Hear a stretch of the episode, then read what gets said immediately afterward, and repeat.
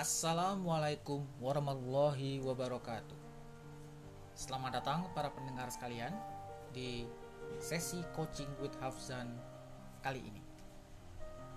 Um, saya mendapat request dari teman saya, Mas, kenapa nggak membahas tentang toxic positivity?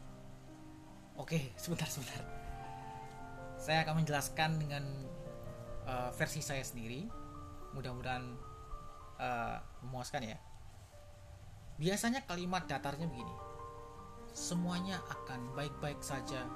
Semuanya akan berlalu. Nah, kalau cuma mengatakan itu-itu aja, ya gak masalah. Tapi sebenarnya ada efek samping di balik kalimat tersebut. Yaitu pada akhirnya kita akan mengabaikan emosi-emosi sulit.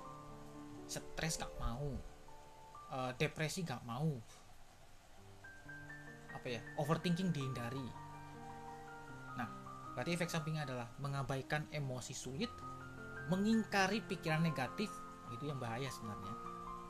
Dan mendorong seseorang untuk tetap diam dalam penderitaan mereka. Jadi, ketika mereka menderita, mereka akan diam harusnya diutarakan dong kalau menurut saya. Nah saya menangkap ada uh, fakta yang ya yang sebenarnya. Ya bahasanya itu the plain truth. Toxic positivity ini juga berarti menyembunyikan atau menyangkal perasaan yang dialami Optimisme memang kuat, tapi menutup perasaan negatif. Kali ini disebut optimisme buta. Optimis ya optimis, tapi nggak melihat apa ya, nggak peka terhadap keadaan sekeliling. Nah, pada akhirnya mendorong pikiran positif saja bukanlah cara mengatasi masa-masa sulit. Maka langkah sebaiknya adalah ini saya sarikan dari uh, artikel internet, jadi saya bahasakan sendiri menurut maksudnya menurut versi saya sendiri.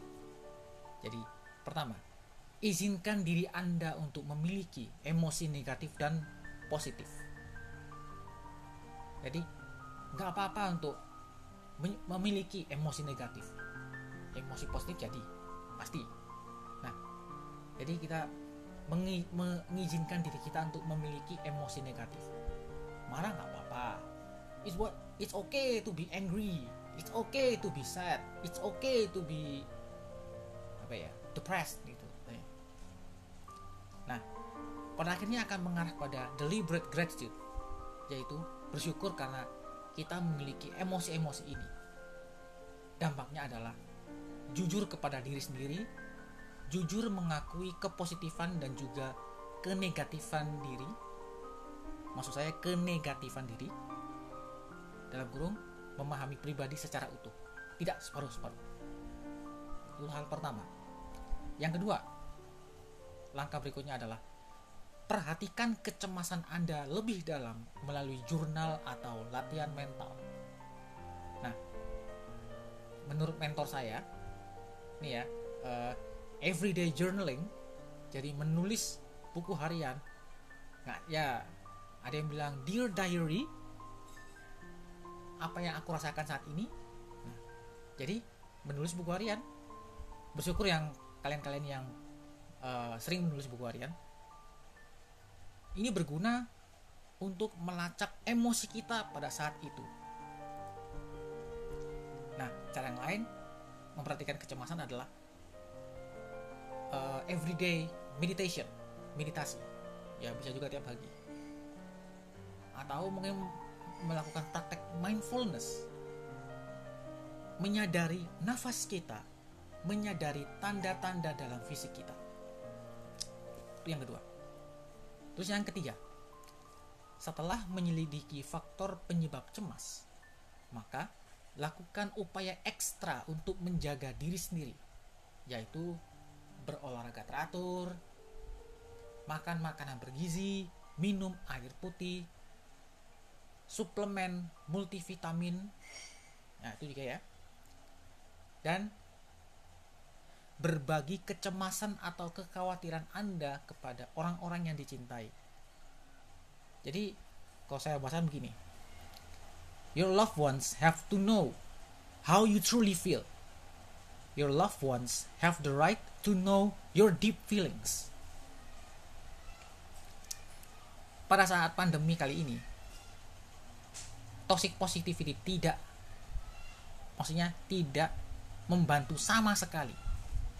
Jadi boleh uh, membentuk mental positif seperti podcast saya sebelumnya tapi juga diliputi dengan kewaspadaan kehati-hatian. Ya sedikit-sedikit bahasa gue antenanya dinaikkan jadi kepakaan ditingkatkan. Jadi kesimpulan di sini adalah toxic positivity hanya memberi hal-hal baik tapi nyatanya tidak membantu. Karena apa? Ya tadi akhirnya mengakibatkan berkurangnya kepekaan diri kita. Oke? Sekian podcast saya untuk kali ini. Uh, semoga bermanfaat untuk para pendengar sekalian.